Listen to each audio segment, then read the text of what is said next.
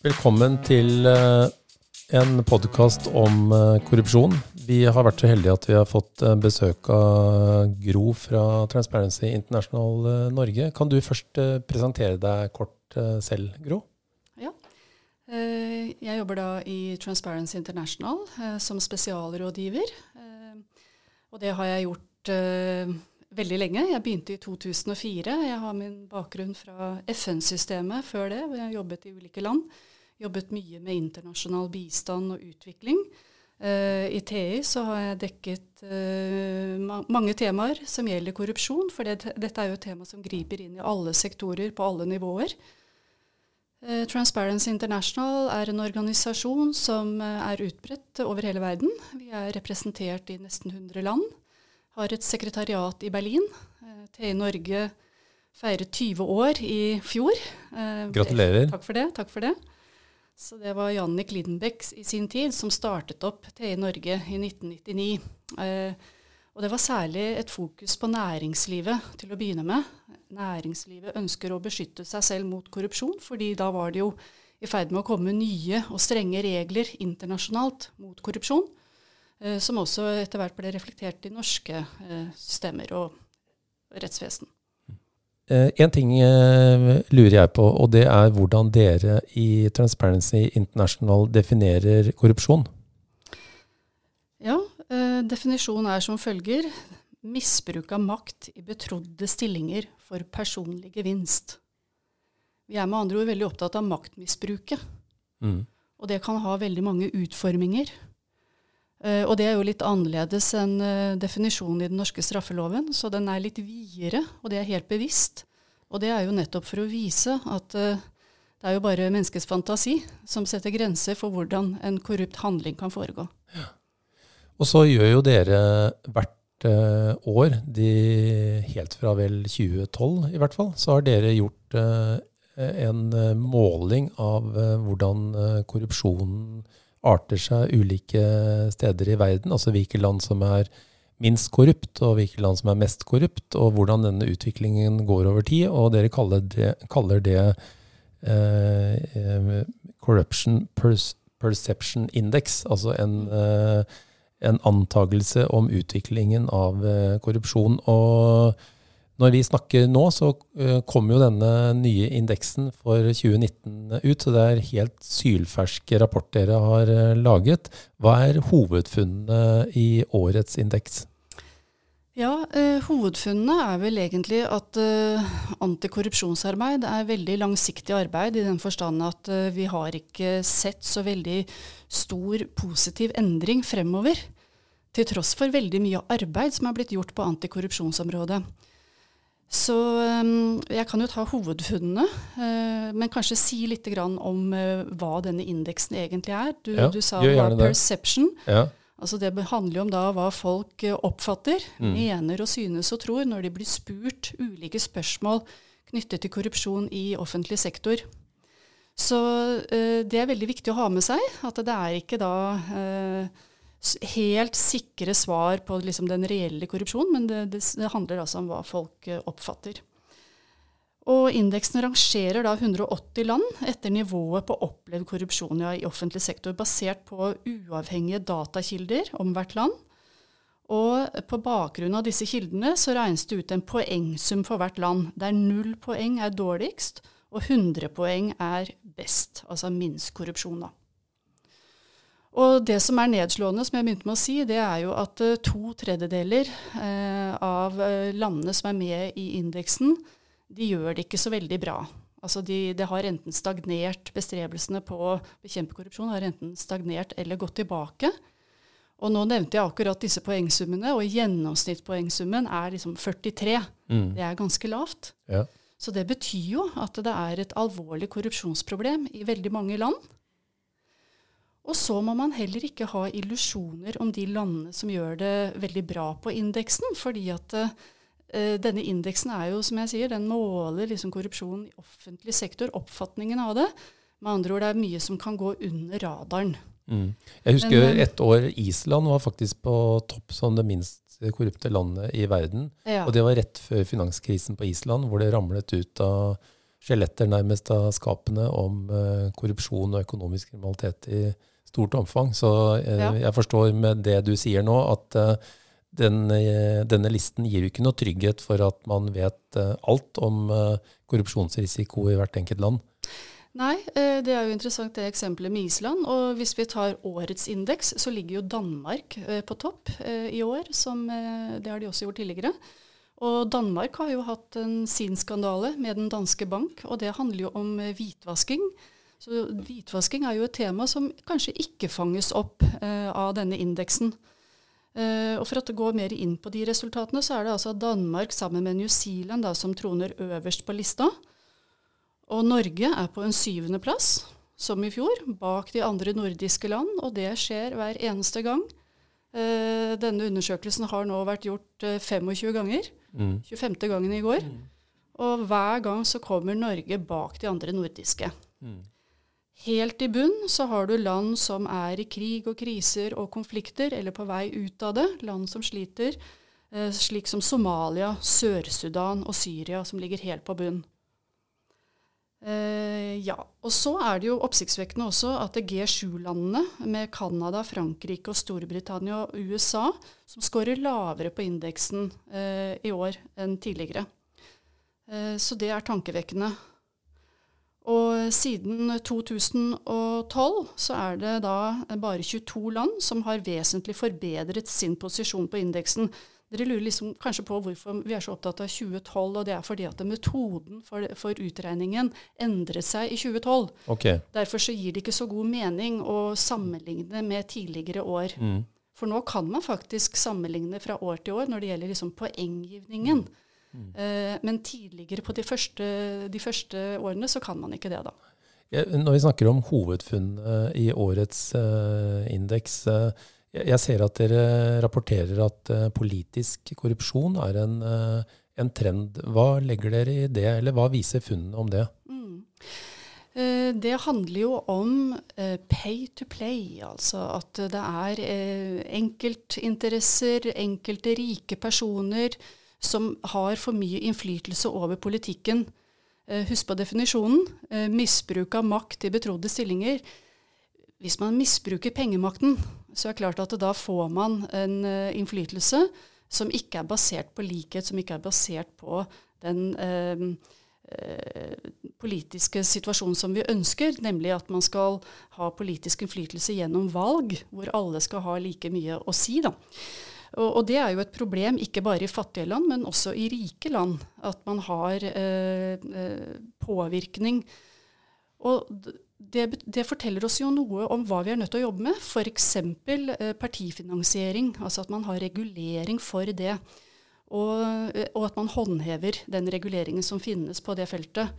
Og her ser vi jo en helt klar tendens i årets indeks, nemlig at de landene som håndhever slike regelverk, altså at man hånd, eh, som går på at man skal eh, begrense eh, innflytelse som er basert på penger, de gjør det bedre på indeksen. Sammenlignet med de som ikke har sånne regelverk, og som ikke er opptatt av det. Og Samtidig så rapporterer dere også i år at blant OECD-land så er det en sjokkerende, skriver dere, en sjokkerende eh, lav etterlevelse av regelverket på den måten at, at det er ikke tilstrekkelige saker som er etterforsket, iretteført når det gjelder korrupsjon. Altså lovverket er der. Men det er tydelig at politi, eh, påtalemyndighet, ikke klarer å forfølge de regelbruddene som man ser, og at denne, eh, denne utviklingen eh, da er negativ. Kan du si litt mm. om hva som ligger i det? Ja, det handler jo mye om ja, altså at man har kanskje manglende ressurser for etterforskning. Regelverket ligger jo der, men det, altså ikke, men det handler jo også om politisk vilje, helt sikkert. Eh, på å følge opp eh, regelverk og etterforske saker. Eh, så det er jo det er et problem, og det er et gjennomgående problem. Mm. Hvis vi beveger oss til Norge, da. Norge er jo da på syvendeplass. Mm. Vi skulle gjerne sett at vi var helt i ledelsen her, som det minst korrupte landet i, i verden, og det er vi ikke. Så vi er jo faktisk blant de mest korrupte i Norden, hvis, hvis vi skal se, se på Norden i, i, nordisk sammenheng. Eh, har du noen eh, tanker rundt eh, vår plassering som nasjon? Eh, Norge, nasjonen Norge, på korrupsjonsindeksen? Nå må det jo sies at det er veldig marginale forskjeller helt på toppen der, på de ti første. Så det blir kanskje litt feil å trekke for bastante konklusjoner på at Norge ligger på sisteplass blant de nordiske, for det er allikevel veldig bra. Og vi har mye å være stolt av. Eh, men det er klart det skorter på, på, visse ting. Og så må man jo huske på det at dette, er, dette kan også være et uttrykk for en høyere bevissthet eh, blant de spurte. Mm. Ikke sant? For dette handler om perception. Ja. Og da er det og da, positivt? Da er det positivt. Da mm. betyr det jo at man kanskje er mer reflektert på temaet, og kanskje litt mindre naiv i forhold til uh, hva som faktisk skjer. Eh, men det er klart vi har noen utfordringer. Eh, men det gjelder også de andre nordiske landene som ligger helt på topp. Jeg nevnte Danmark med Danske Bank ligger likevel helt på topp. Og, og Norge hadde jo en sak nå i forbindelse med denne eh, Fishrot Files-avsløringene om altså korrupsjon av et islandsk selskap til hvor de da bestakk namibiske myndigheter, offentlige tjenestemenn, for å få fiskelisenser. Og dette her gjorde de gjennom etablering av skallselskap i, i skatteparadis. Og så viser det seg også at eh, DNB, en norsk statseid bank, eh, også har hatt en rolle i dette. Eller det vil si, dette blir jo nå etterforsket.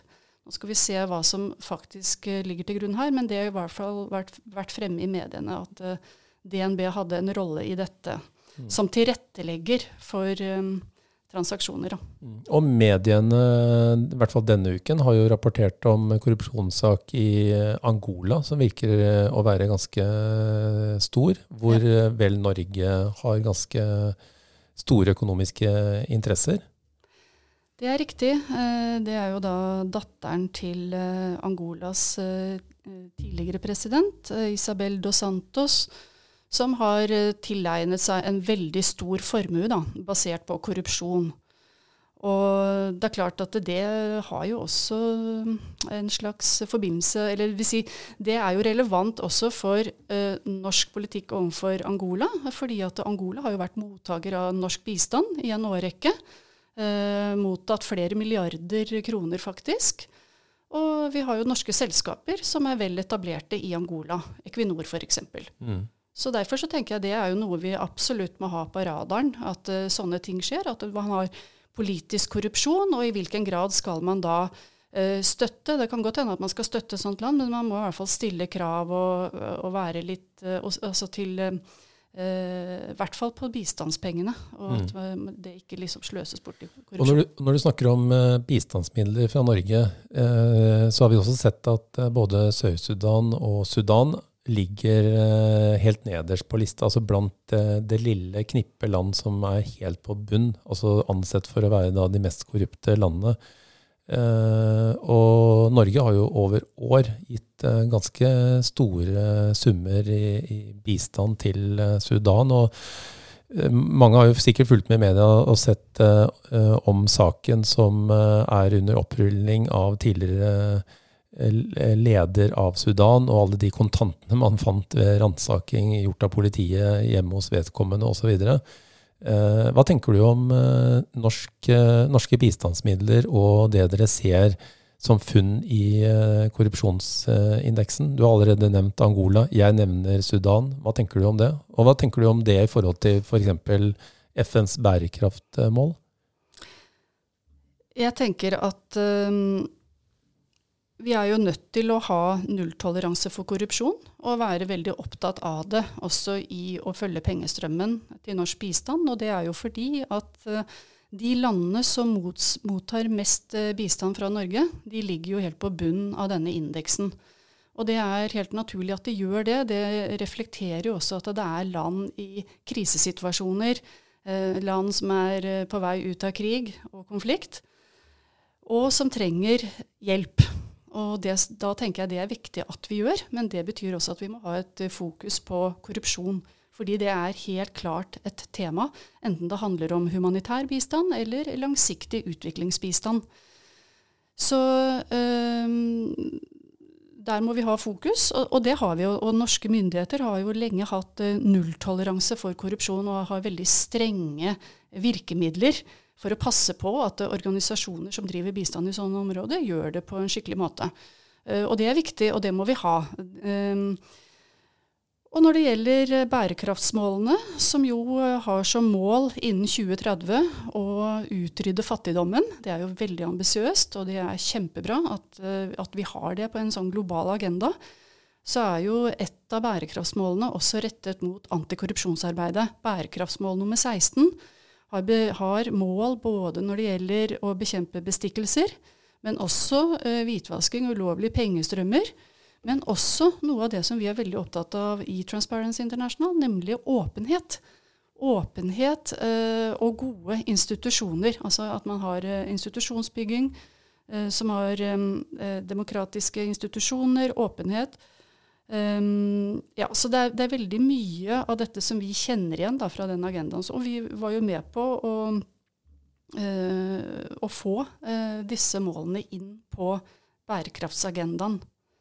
Det er litt viktig, for disse målene de eh, erstatter jo det som tidligere het tusenårsmålene, ikke sant? som strakk seg fra 2000 til 2015. Og der var ikke antikorrupsjon på agendaen. Så dette var jo egentlig noe som man kanskje erfarte, at det er også viktig for å nå eh, målene om økonomisk og sosial utvikling på en bærekraftig måte. Mm. Så eh, for å oppnå bærekraftsmålene så er eh, korrupsjonsbekjempelse ganske sentralt. Forstår jeg på det? Ja. Mm. Korrupsjon det fører jo til fattigdom, og fattigdom fører til korrupsjon. Dette henger sammen. Og dette henger jo, altså Hvis du sammenligner denne korrupsjonsindeksen med f.eks.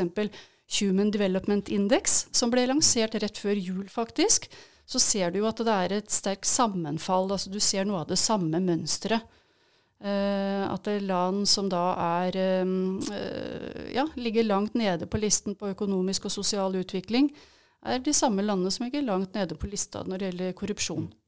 Kanskje litt naivt spørsmål, men utvikling av et demokrati eller uh, styrking av et demokrati i et land, har det noe sammenheng med korrupsjonsbekjempelse? Ja, det har det. Men som vi også har vært inne på, nå skal vi ikke være Eh, altså det er klart det er også en god del korrupsjon i demokratiske systemer. Og, og dette med hvitvasking også. Vi ser jo altså hånd, mangel på håndhevelse av regelverk og, og, slikt.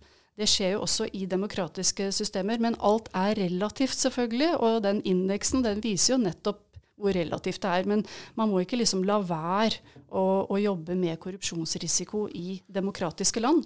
Fordi dette er et kontinuerlig og langsiktig arbeid. Det ligger der hele tiden som en risiko. Og Hvis vi skulle se inn i glasskula et øyeblikk, eh, hva tror du er trendene framover på dette området? Ja, jeg tror det er viktig at vi fortsetter uh, kampen mot korrupsjon. Det var vel overskriften vår i går mm. på pressemeldinga. Og det handler jo om å håndheve regelverk, eh, parti som gjelder f.eks. partifinansiering. Eh, passe på at ikke pengemakten blir for stor i forhold til eh, at ikke den korrumperer eh, det politiske systemet. Det er viktig i rike land så vel som i fattige land. Det er viktig. Ja, og så tenker jeg at bærekraftsmålene de ligger der klar som en agenda. Jeg tror vi kommer langt hvis vi klarer å komme i nærheten av de målene, som på alle felt, egentlig. Ja. Fint. Eh, jeg tenkte vi skulle avslutte For det vi har snakket om, er på mange måter negativt. Jeg tror mange som har hatt befatning med korrupsjon, enten i privat sektor eller offentlig sektor, forbinder det med veldig negativt. Det er i hvert fall negativt å stå nær der det har skjedd, eller de som eh, har blitt eh, avslørt for det. Men, men jeg tenkte vi skulle prøve å avslutte litt mer positivt, på en måte. Hva kan virksomheter gjøre for å redusere risikoen for korrupsjon? Og jeg skal raskt bare gå gjennom det som er anerkjent som hovedtiltak for en virksomhet for å beskytte seg mot korrupsjon. Og det, det ene er at uh, det må være en tydelig tone på toppen, som man ofte sier. Det betyr at det må være et styre som helt klart angir at vi skal ikke ha noe befatning med korrupsjon. Vi skal gjøre det vi kan for å forhindre korrupsjon. Eh, og basert på styrets eh, signal, så skal det da eh, lages en risikovurdering, sånn at virksomheten får kartlagt hva er risikoen for at vi kan få noen befatning med korrupsjon, enten blant egne ansatte eller bli utsatt for, det, for korrupsjon fra våre omgivelser. Og det er jo også sånn at norske selskap har jo faktisk ansvar for sine representanter ute i verden. Så hvis man har agenter, mellommenn osv. som kan representere selskapet, så er jo de en risiko for korrupsjon. Og I tillegg til risikovurdering så skal man lage prosedyrer som folk skal følge i virksomheten for å forhindre korrupsjon. Man skal også lage prosedyrer for due diligence, som det heter. Altså det å gå gjennom eh, leverandører, finne ut hvem som er reelle rettighetshavere eller bakmenn, eller kontrollere leverandører, andre man samhandler med. Eh, dessuten så skal man ha en kommunikasjon internt for å rapportere hva man gjør og hvilke risikoer man ser. Man skal ha en god opplæring av ansatte og andre representanter som representerer selskapet ute i verden.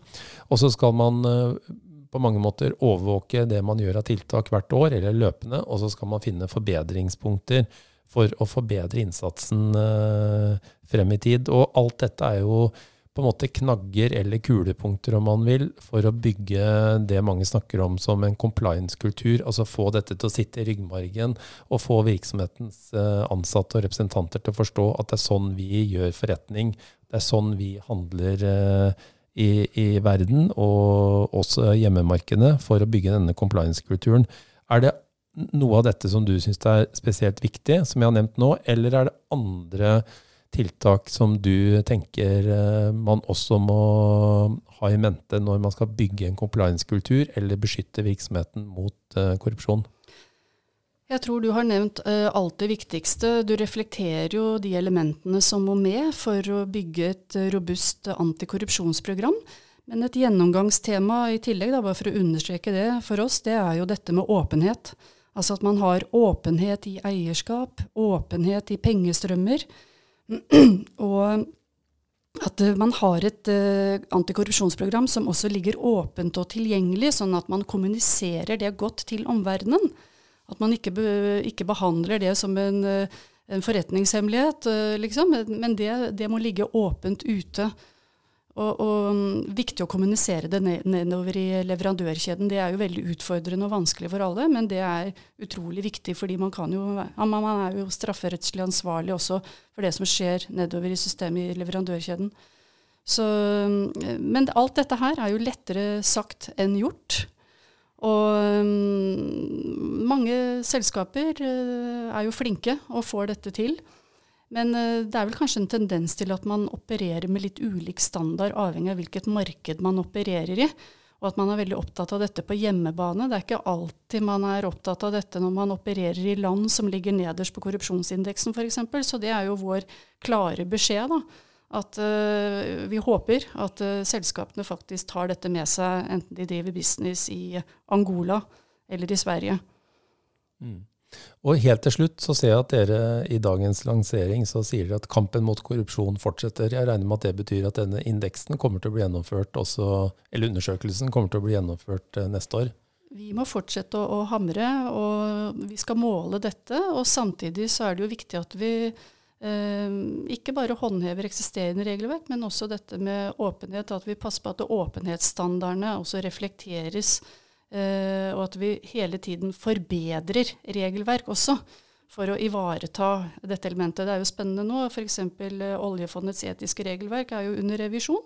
Så det er viktig at man liksom får på plass uh, elementer som gjelder dette temaet her også. Så helt til slutt, Gro, tusen takk for at du kom til oss og delte kunnskap fra Transparency International om korrupsjon i verden, og også tanker om hva vi kan gjøre fra norsk side for å bekjempe korrupsjon. Tusen takk. Takk selv.